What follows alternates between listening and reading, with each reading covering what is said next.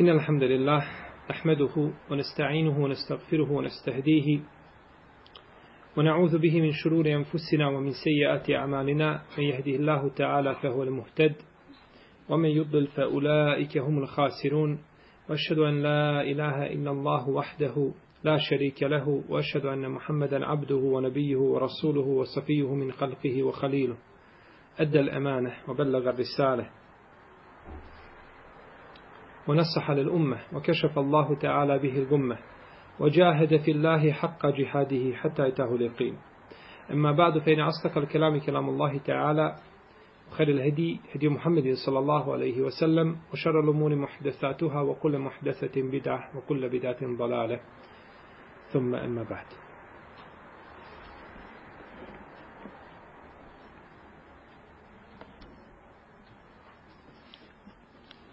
عن أبي هريرة رضي الله عنه أن رسول الله صلى الله عليه وسلم قال إذا صلى أحدكم للناس فليخفف فإن فيهم الضعيف والسقيم وذا الحاجة وإذا صلى لنفسه فليطول ما شاء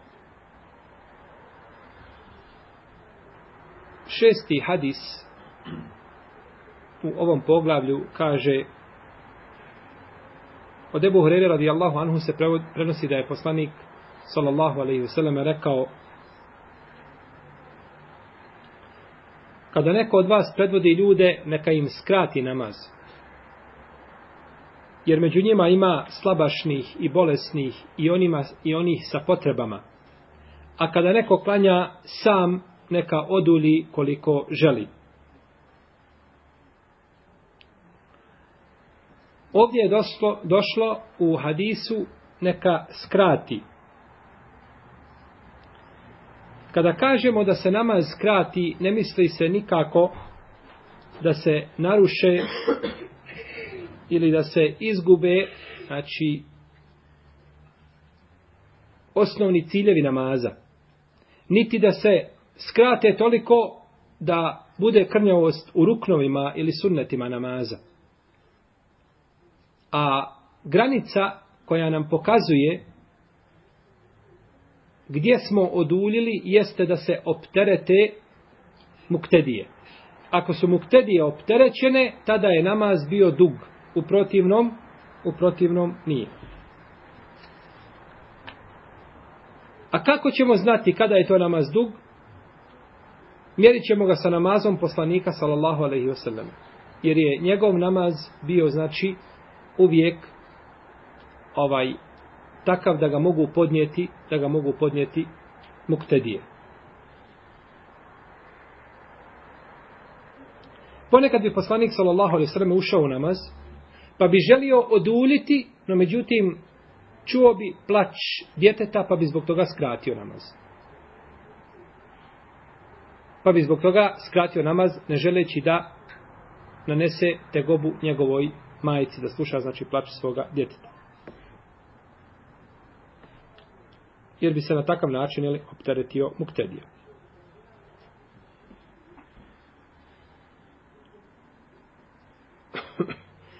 Neće imam u namazu znači oduljiti sa kiraetom na kijamu, tako da optereti ljude koji kanjaju iza njega. Niti na ruku, niti na srđdama. Neće duljiti više od toga da kaže tri tespiha i nakon toga ako izgovori dovu ili dvije koje su poznate u sunnetu, znači neće mimo toga duljiti. Ovo pod uslovom da zna da će opteretiti, da će opteretiti muktedije. Jer je poslanik sallallahu sallam koji je naredio da se namaz skrati, pokazao nam znači praktično kako treba da izgleda namaz, namaz jednog imama. I isto tako ćemo spominjati neke propise vezane za ovaj hadis u hadisu Ebu Mes'uda koji dolazi nakon ovoga hadisa. Slabašan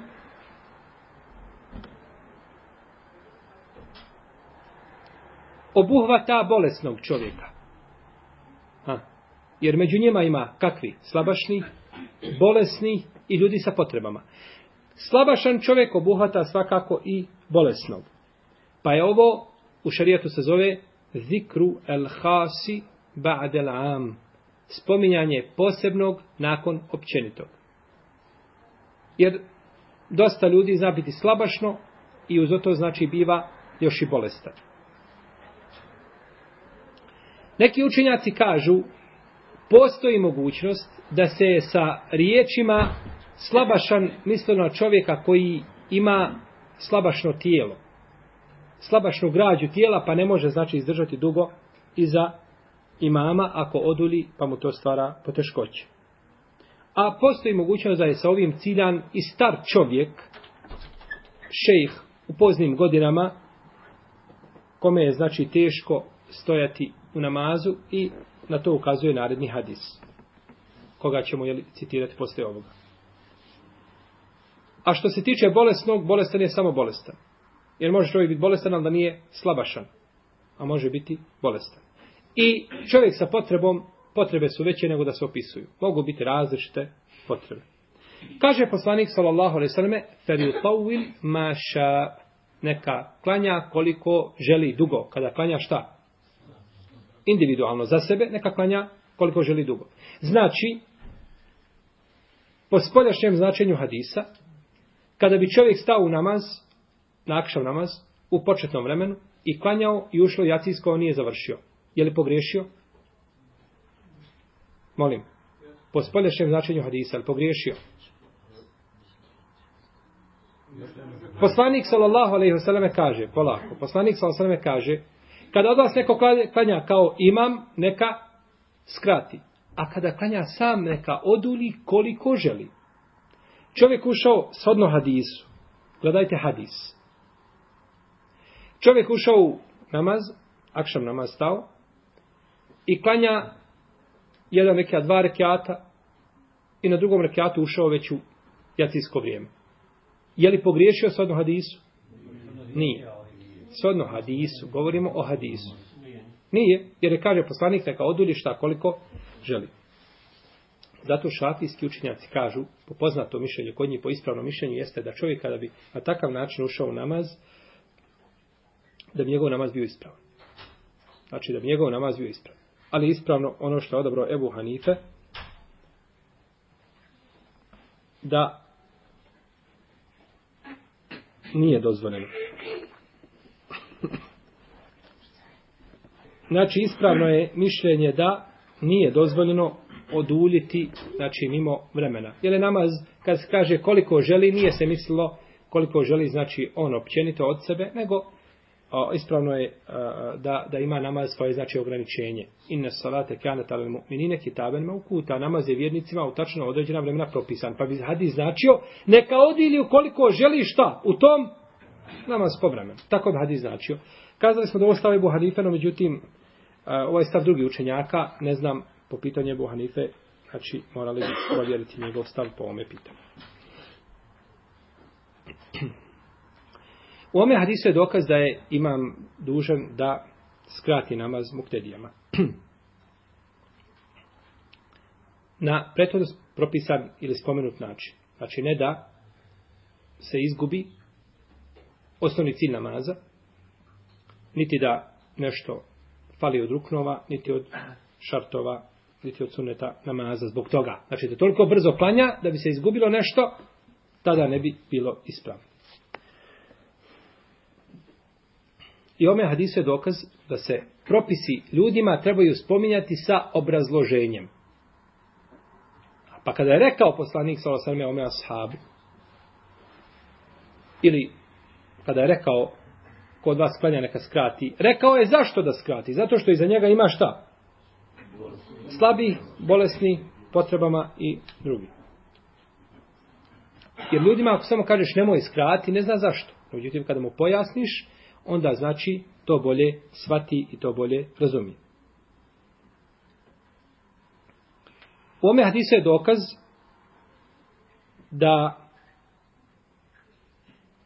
je dozvoljeno čovjeku koji je slabašan i koji je bolestan da dolazi u džemat. I drugi znači koji su u osnovi možda nisu obavezani džematom da dolaze u džemat. Kao što je ona žena donijela dijete pa je plakala u džami pa je poslanik sa osam zbog nje skratio namaz. Dok kaže imam Malik, neće djeca dolaziti u džamiju osim ako razaznaju. Raz, godina sinu temiz u šarijatu je otprilike nekih šest ili sedam godina. Kada djete razaznaje.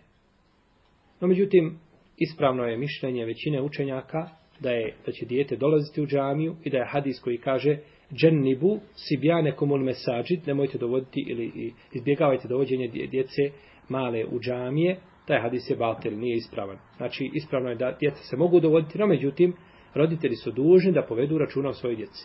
To ne znači, znači dovesti dijete u džamiju i pustiti ga da čini sve ono što kod kuće ne smije činiti.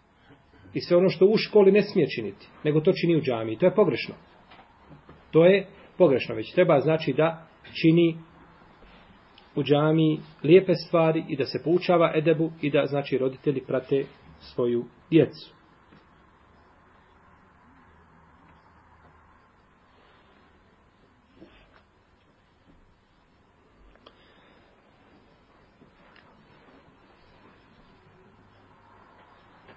Vidimo da je ovdje obaveza da se prati da se prati šta je reći užan?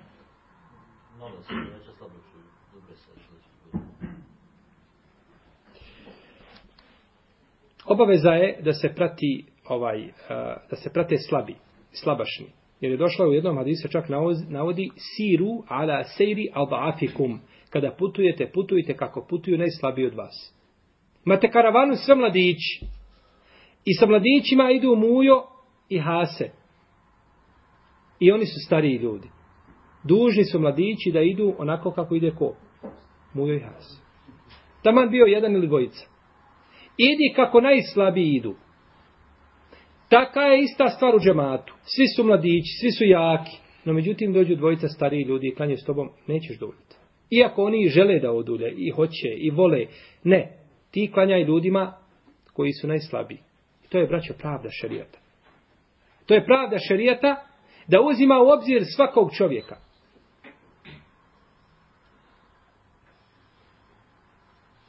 I musliman se veže za svoga brata muslimana.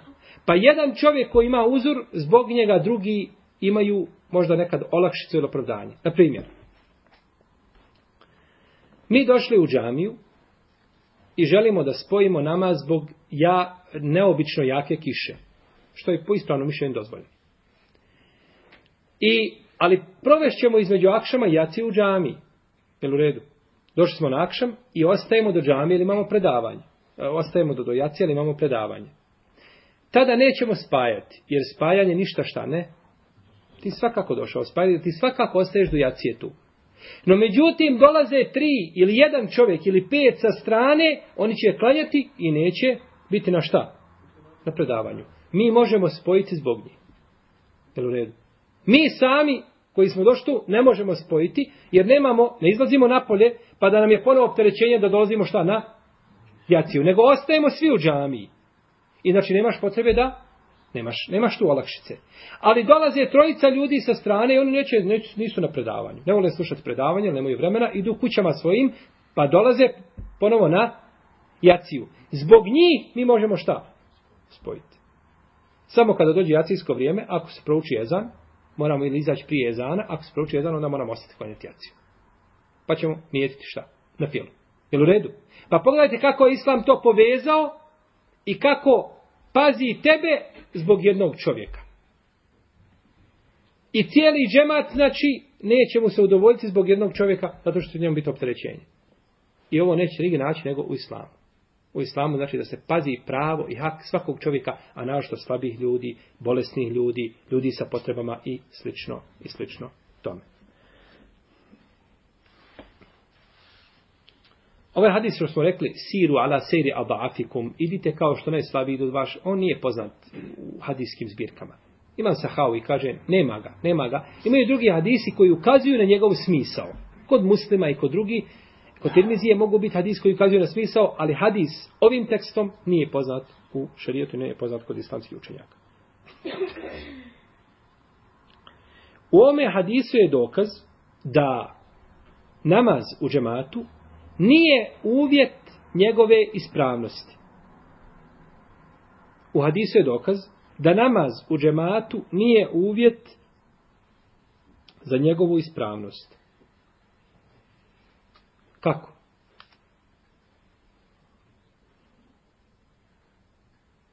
Kako, ko zna? Dobro, da se ne kaže u hadisu. Pa dobro, to je skrat. Ja kažem, u hadisu je dokaz da namaz u džematu nije šart za njegovu ispravnost. Gdje je to dokaz u hadisu da nije šart za ispravnost? Znači, On je rekao neka klanja ako sam za sebe klanja. Ne mora biti kod kuće, može, može biti u džami, ali nije u džematu. Znači, ako sam za sebe klanja neka odulji koliko želi. Znači čovjek ako klanja sam za sebe namaz da mu je šta? Ispravan. No međutim, je to nužno ukazuje na to? Ne ukazuje. Zato što čovjek može biti na, na putu, je tako? Može biti da nema džami nigdje blizu, pa da šarijetski ni duža da se odazove, je tako?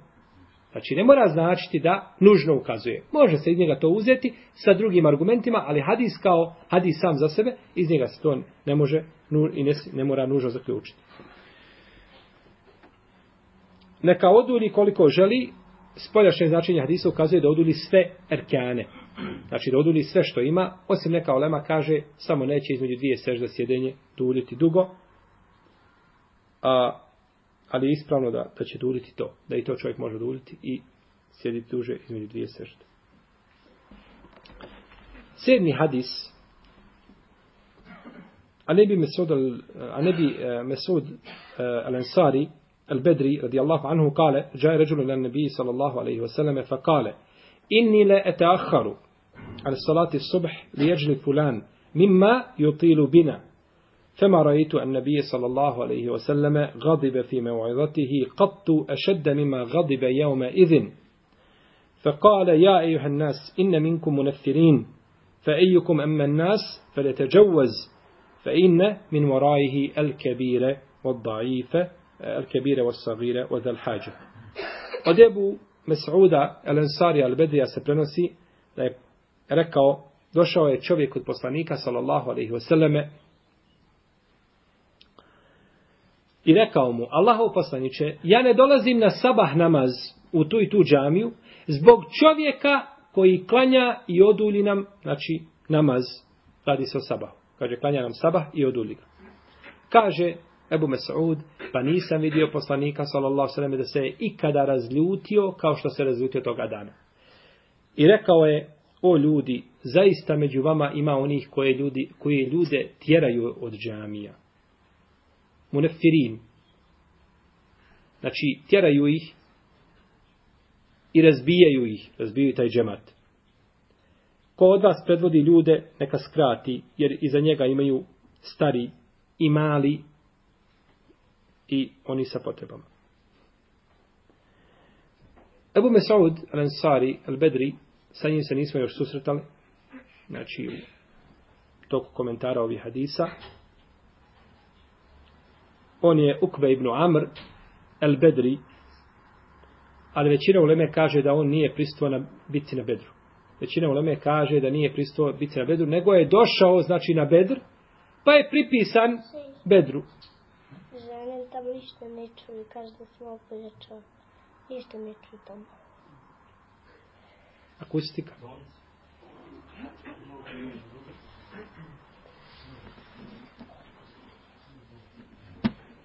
Dobro se.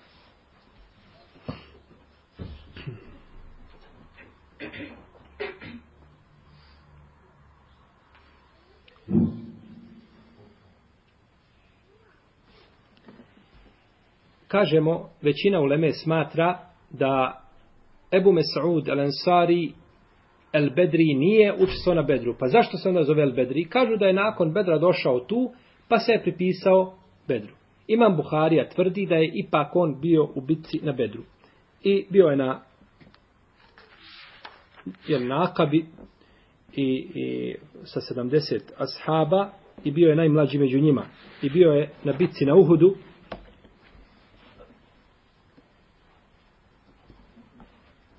i on je jedan od časnijih ili poznatih ashaba. Umro je u Kufi ili u Medini. Shodno razilaženju među ulemom. 31. 40. 41. 42. ili posle 60. godine shodno razilaženju među ulemom. I kada je Ebu Mesaud u pitanju ime, imamo skupinu ashaba koji se zove Ebu Mesaud. Imamo ovoga, Ebu Mesaud al-Ansarija, imamo drugog Ebu Mesauda, El Gafarija, koga spominjam Tabarani, kaže da mu ime Abdullah, imamo Ebu Mes'uda bez ikakvog imena i prezimena. Samo se zna tako kao Ebu Mes'ud. A što se tiče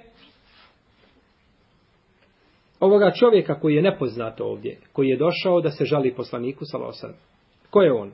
Po njegovom mišljenju imamo, po, nje, po, po, po imenu toga čovjeka imamo pet različitih mišljenja. Prvo, da se on zove Hazm ibn Ubej ibn Kjab. I to je došlo kod Ebu Davuda u njegovom sunenu. Kaže Hafiz ibn Hajar al-Skalani u Fethul Bariju da je pogriješio onaj ko je rekao da je ovo bila priča sa Ubejom, odnosno sa Hazmom ibn Ubejom. Drugi kažu da je to bio Haram ibn Minhan ili da je bio Hazim, treći Sulejm ibn al-Haris i četvrti kažu ili peti kažu da se zvao Malik. Min eđli fulan zbog čovjeka koji nam odulji. Ko je taj ko nam, koji modulji namaz? Ko je? A ko je taj imam bio? Kako mu je bilo ime? Ko je dulio namaz? Muaz ibn Džebel. Muaz ibn Džebel. Tako kaže autor ovaj, Ibn Mulekken kaže da je to bio Muaz ibn Džebel. Ali ispravno to nije bio Muaz ibn Džebel. Ispravno je da nije bio Muaz ibn Džebel. Ima slična priča sa Muazom i nju ćemo spomenuti pa ćemo vidjeti gdje je razlika i zbog čega je ispravno da to nije bio Muaz ibn Džebel. Prvo, priča Muaza ibn Džebela je desila se na Jaciji. Je li tako? Klanjao bi Jaciju sa poslanikom, sallallahu alaihi vseleme, pa se vratio svome narodu i onda im klanjao kao šta? Kao imam, to je bila Jacija. A ovdje se radi o čemu? O sabahu. Znači radi se o dva različita namaza. Jer ne bi se to desilo znači muazu dva puta, nego se radi znači o dva različita namaza. Druga stvar. Kada je u pitanju Muaz ibn Džebel, on je klanjao u džami koja se zove Benu Selime. A ovaj ashab koji je klanjao ovdje, ko je on? Ubej ibn Kjab. On je klanjao u mesčidu Kuba. Pa se znači razlikuju šta? I imami i i mesčidi. I namazi.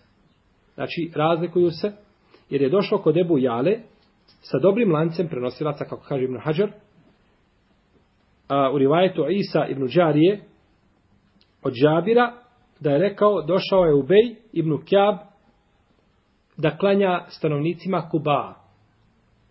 Pa je počeo sa dugom jednom surom, pa je jedan mladić prekinuo namaz ili odvojio se od imama i završio sam namaz. Pa kad je to čuo, Ubej razljutio se, bilo mu krivo. I otišao kod poslanika, salosem, da se žali. A u isto vrijeme je došao i dječak da se žali na Ubeja. Došli su pred glavnog kadiju da se spore. Pa je poslanik salosem, kada je čuo jednu i drugu stranu, razljutio se i rekao, kaže, o ljudi, inne minkumu refirin. Pa spomenuo je, znači, hadis. Pa se radi o kome? O Ubeju. Prvi put, kad smo spomenuli one koji kažu da je to bio Hazm ibn Ubej, ibn Kjab, Znači da je Hazm došao da se žali na koga? Na svoga babu. Došao je da se Hazm žali na Ubeja. A Hazm je sin Ubejov. To je Ubej ibn Kjab, poznati karija od ashaba. Pa bi došao da se žali na svoga oca. Tako da to nije ispravno. Ne znamo da bi imao tu petlju da dođe da se požali na babu svoga, ili zbog namaza. Ali, znači, ispravno je da je to bio ovaj da je, da je ovdje bio a, u, da je bio u Bej kao imam, a da nije se žalio na njega njegov sin, nego da je to bio neko drugi.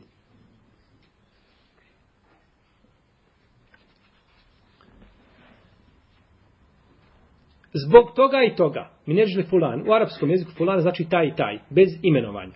Došao mi je taj i taj, reče mi tako i tako, kaže se džajni fulan, on vakale li keda, keda, jel? Došao je taj i taj, rekao mi tako i tako, bez imenovanja, bez spominjanja. Ovo nam a, možemo zaključiti da je ova riječ, taj taj, došla od ravije, a nije došla od koga? Od poslanika sa osrem. Nego on je znao, došao je dječak koji se zove ha, Malik, na primjer. Ili Hazim, kako je došlo u drugom da se zvao. I došao je u Bej. I on kaže, ovaj, i Ravija kaže taj i taj. Pa je to došlo, braće, od Ravije. Sa strane Ravije nije htio šta da imenuje ljude koji su, koji su, a sa kojima se to desilo, to je edeb i etika, znači sa njegove strane. U ome hadisu, mimo onoga što je u prethodnoj predaji, možemo zaključiti da je dozvoljeno čovjeku da se požali na nekoga kada ima nekakav problem. Kao što je došao ovaj dječak i požalio se na ubeje. Dokaz u hadisu imamo da je dozvoljeno čovjeku da izostane iza namaza u džematu ako ima opravdanje. Jer ovaj dječak nije šta? Klanjao iza imama, nego se razišao sa imamom.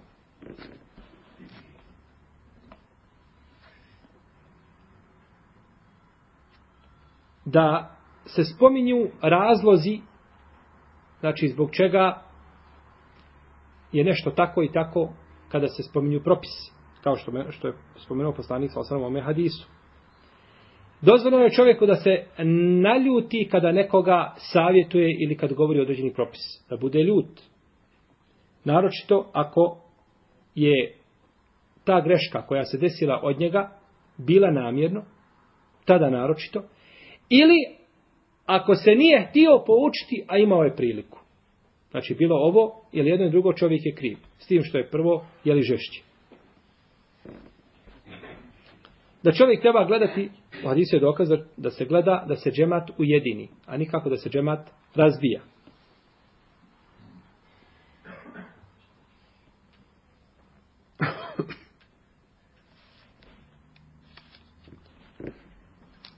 Dalje, kada je poslanik sa osvrame rekao o ljudi, dozvao je ljude, ali nikoga nije spominjao po imenu. Jer to se odnosi onda na sve ljude. Kako se odnosilo na Muaza ibn Džebela i na Ubeja, odnosi se na sve imame koji dolaze nakon poslanika sallallahu alaihi wasallam. Da je dozvoljeno imamima da se žale glavnom imamu. Kako se požalio se ko? Ubej vođi muslimana, poslaniku sa osadime. Kad kažemo glavnom imamu, ne mislimo glavnom imamu nekog međlisa. Nego mislimo glavnom imamu, jeli? Mislimo na halifu.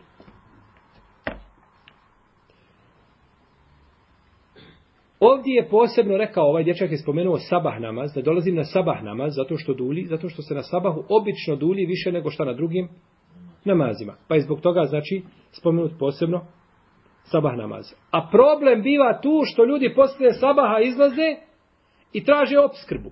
Jer je učinjen bereket ome umetu, kako je rekao poslanik sa u prvim časovima jeli dana. To je najveći bereket.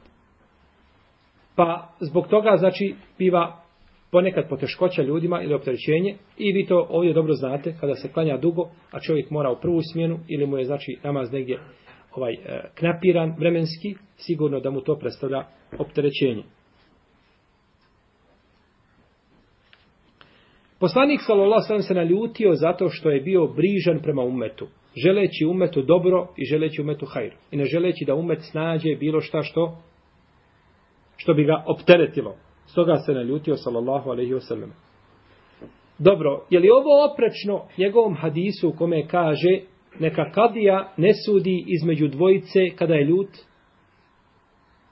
Je li ovdje poslanik sallallahu bio ljut kada je sudio? Jeste. Ali rekao neka ne sudi kad je on ljut. Kako je mogao presuditi sallallahu alejhi a on ljut? Molim? Dok ali vidi presude. Kriv je, jeste podučavanju pravo sam. Međutim, ima tu je vidi presude.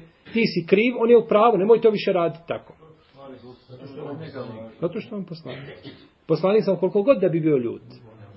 Znači, sad da se zajapuri, ne može on presuditi, znači, po svome udovoljavajući svojoj strasti i onome što osjeća, zato ovaj, a, mu je bilo dozvoljeno da sudi znači o mehalu i ome stanju. Jer poslanik sam koliko god da bio ljut, kako je rekao Abdullah ibn Amru, a, piši, pa tako mi Allaha iz mojih usta ne izlazi nego istina. Kad su mu mušici kazali, kako pišeš od Muhameda? A on nekad ljut, nekad je e, ovaj radostan, nekad je zadovoljan, nekad je ovakav, nekad je... I u svakom halu od njega pišeš, kaže, piši, tako mi Allaha iz mojih usta ne izlazi nego istina. Pa se poslanik sa može naljutiti, ali iz njegovih usta ne izlazi kada je u pitanju vjera i verski propisi, osim istina. I tako isto kada je u pitanju, kada su u pitanju presude. Inne minkum mureftirin, među vama ljudi imaju koji tjeraju ljude. Isto je kao riječi ma balu akvamin jekulune keda o keda. Šta je ljudima koji govore tako i tako? Kad su došli oni kod Ajše, pa jedan rekao ja neću, jeli, prekidati povoz, drugi kaže ja ću stalno klanjati, treći kaže ja ću, ovaj, neće se ženiti. Četvrti kaže ja neću jesti meso. Pa je rekao poslanik sa osaleme, šta je ljudima koji govore tako i tako. I hadis Berire, kada je trebala biti puštena, pa se uslovljavali šartovi da je oslobode, pa je rekao poslanik sa osaleme, ma balo akvamin, je šteretune šurutan, lejset fi kitabillah, kulu šartin lejset fi kitabillah, i fehu batilun, vole ukjane, mijete šart.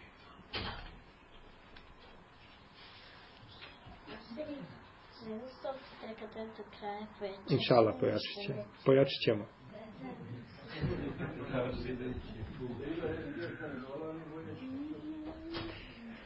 Isto tako poslanik sallallahu alejhi nije nije a, spomenuo umu a, a, muhađir ummi Kajs. Bio jedan čovjek koji je obavio hidžru radi žene koja se zvala umu Kajs. Jel u redu? Pa kada je obavio hijđu, došlo je do poslanika, sallallahu zbog čega on izašao u hijđu. Ošla umu kajsu u a on htio da je oženi. Pa kaže, idem ja u hijđu za njom da je oženim. Pa je, pa je poslanik, sallallahu rekao, Šta kaže? Women kanet hijratuhu li dunja yusibuha au imra'atin yankihuha fa hijratuhu ila ma hajra ilayhi.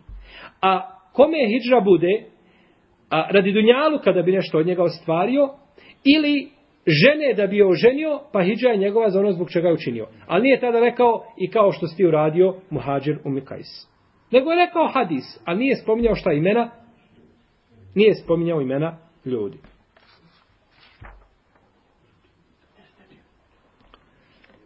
U ome hadisu je znači dokaz da je dozvoljeno i zaostati iza džemata, u nam, e, iza, iza namaza u džematu, kada ima za to ispravno opravdanje. Zato što je ovaj dječak, nije, nije mu bilo naređeno da ponovi namaz. On je sam, znači, odvojio se i završio namaz, pa mu nije bilo da ponovi, dozvoljeno, nije mu bilo naređeno da šta da ponovi namaz, što je dokaz, znači, da čovjek ako ima opravdanje i ne dođe u džemat, da bi mu namaz njegov bio ispravan. A kod neki ljudi će ovo biti razlog da nikako ne dolaze u džamiju. Hođa dugo klanja i nema ništa ni od teravije, a kamo li propisani namaz. Jer ljudi više ovaj, vode pažnje o teravijama jeli, u Ramazanu nego o propisanim namazima u džami. I došao u hadisu poslanika s.a.v. Koji se u jednoj verziji pripisuje njemu, ali i salatu wasalam, a u drugoj se kaže da je to Ibn Abbas, da su to riječi Ibn Abbas, i to je ispravno. A men semija nida, felem juđib, fela salate lehu illa bi uzr. Ko bude čuo ezan, a ne odazove se, nema namaza osim uz opravdanje. A, opravdanja za nedolazak u džemat su brojna. Spominju ih islamski učenjaci u svojim knjigama i Ibn Hibban spominju u svome sahihu deset tih opravdanja. Pa kaže, prvo, bolest, zatim kada se donese hrana, postavi, kada se servira, znači jelo, kada se zaboravi, pretjerana gojaznost, da je čovjek pretjerano debel, što je predznaka sudnjeg dana. Predznaka sudnjeg dana, kako došlo kod Buhari, jeste da će ljudi biti debeli. Da će biti debeli. A, peto, kada ima potrebu za jednom od dvije fiziološke potrebe. Šesto, da se boji za sebe ili za svoj metak na putu, znači do džamije, da ima oni koji ga presrećuju, da, da mu otuđi njegov metak ili da ugroze njegovu bezbjednost ili njegov život. Sedmo, žestoka hladnoća, žestoka kiša, osmo, deveto, tama velika da čovjek ne vidi kuda ide, i deseto kada čovjek jede bijeli ili crveni luk zbog mirisa. I sve što je u tome kontekstu. I zato ne, ne, nije daleko kazati da čovjek koji puši cigaretu da ne treba dolaziti u džemat. Bolje mu je da klanja sam kod kuće, nego da dolazi da ljude uznemirava. Zbog istog, istog a, razloga.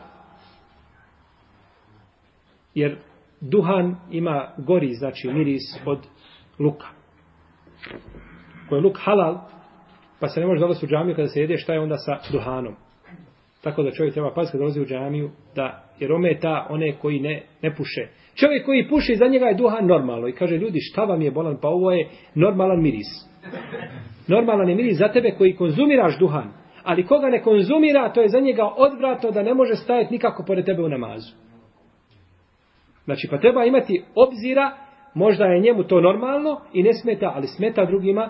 Iz toga i onaj ko, ko konzumira duhan, što svakako ne bi trebao, neka znači za namaz kada dolazi neka nastoji da prije toga jedno vrijeme ne puši da se lijepo očisti pripremi znači sve uzme one uzroke ne znam žvakaće gume bombone sve što može pepermint da da dođe u džamiju znači da ne ometa ljude da promijeni odjeću i slično tome jer, jer ometa zaista klanjače i bojimo se da nema razlike između njega i onoga koji je jeo crveni ili bijeli luk Ovi, neki od ovih e, dokaza koje je naveo Ibn Hibban podložni su diskusiji. Podložni su diskusiji. Kaže Imam El Maziri, ovaj hadis po svojoj spoljašnjosti kosi se sa riječima poslanika sa osaleme, a, a, ili sa njegovim postupkom da je ponekad dulio namaze. Je li dulio ponekad? Jeste, izričito dulio namaze. Pa kako ćemo pomiriti? Kazat ćemo da je poslanik sallallahu alaihi wasallame ovim dozvolio, znači da se dulje, ali da opća praksa ili pretežna praksa bude da se namazi skrate ili da kažemo da je poslanik sa osvrame znao ko je za njega i da sahabi vole da se odulji i da ne žele da se namaz prekida znajući vrijednost namaza u njegovoj džami sallallahu sallam i znajući vrijednost i za njega kao imama i sliš tome pa je zbog toga znači ponekad oduljivao namaze i u tome nema nikakve znači oprečnosti i nema kontradiktornosti. U ome hadisu je dokaz da hadithun nefs da ona e, one unutrašnje one stvari što čovjek osjeća, što mu duša prišaptava, da mu ne kvare namaz. Jer u redu? Jer čovjek kada je iza, iza imama staneš i on počne sa surom Ali Imran.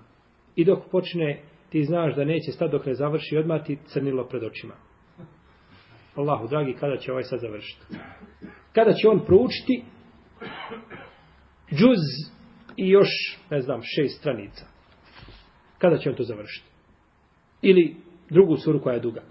Pa ima taj hadithu nefs. Duša mu njegova došaptava. Ha, šta, kada će? Hoće li sta, staći na ome? Pa nije stao. I sada će na narednom. Pa opet neće staći na narednom. Je tako? Zna se čovjeku znači da je. E taj hadithu nefs. Ta, ta, to došaptavanje duše čovjeku ne kvari šta njegov namaz. Ne kvari njegov namaz. To uzma se iz hadisa, jasno. Znači, može se djelo zaključiti iz predaje. U ome hadisu je dokaz da je obaveza znači gledati korist jednog čovjeka. U džematu se gleda i korist pojedinca. Nećemo uvijek kazati korist džemata, tebi ako odgovara, živi odgovara, ako ne odgovara, ima i drugi džamije. Ne. Nego se gleda znači i korist, korist pojedinca.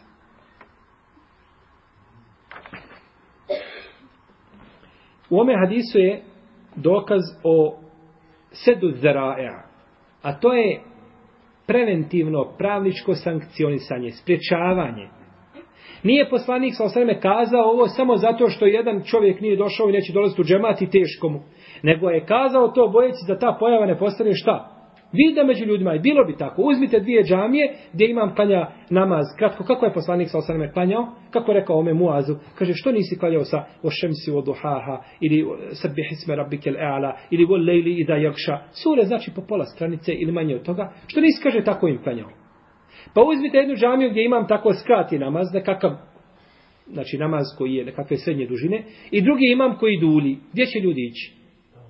Tamo gdje je kraće. Gdje mu je lakše znači ići će tamo gdje mu je lakše. Pa se boje znači da ne bude, poslanik sam sam pobojao da to ne bude znači razlog da ljudi počnu masovno ostavljati šta? Namaz uđe džematu zbog tog mama. Pa je tako žestoko osudio. Znači i tu zatvorio ta vrata i to se zove u šerijetu preventivno pravničko sankcionisanje. I to je jedan od izvora šerijata.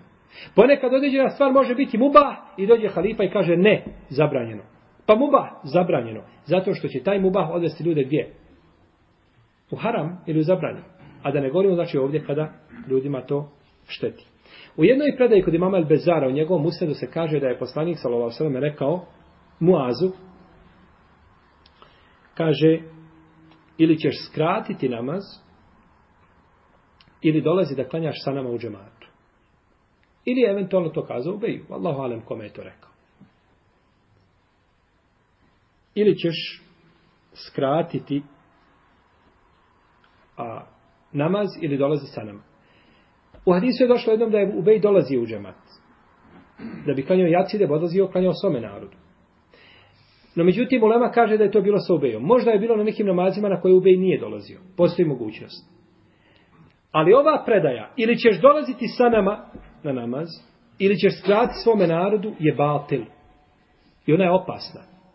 Zašto? Ispada da je Ubej bježao od namaza iza poslanika, sallallahu alaihi selleme u njegovoj džami, da bi klanjao svome narodu. Pa ko je taj ko bi pristao da ode klanjati svome narodu, a da propusti jedan namaz u poslaniku i sallallahu džami, ne iza poslanika, sallallahu nego iza jednog običnog imama, zbog vrijednosti namaza u toj džami. A da ne govorimo kada klanjaš iza Rasulullah, sallallahu alaihi wa alaihi wasallam.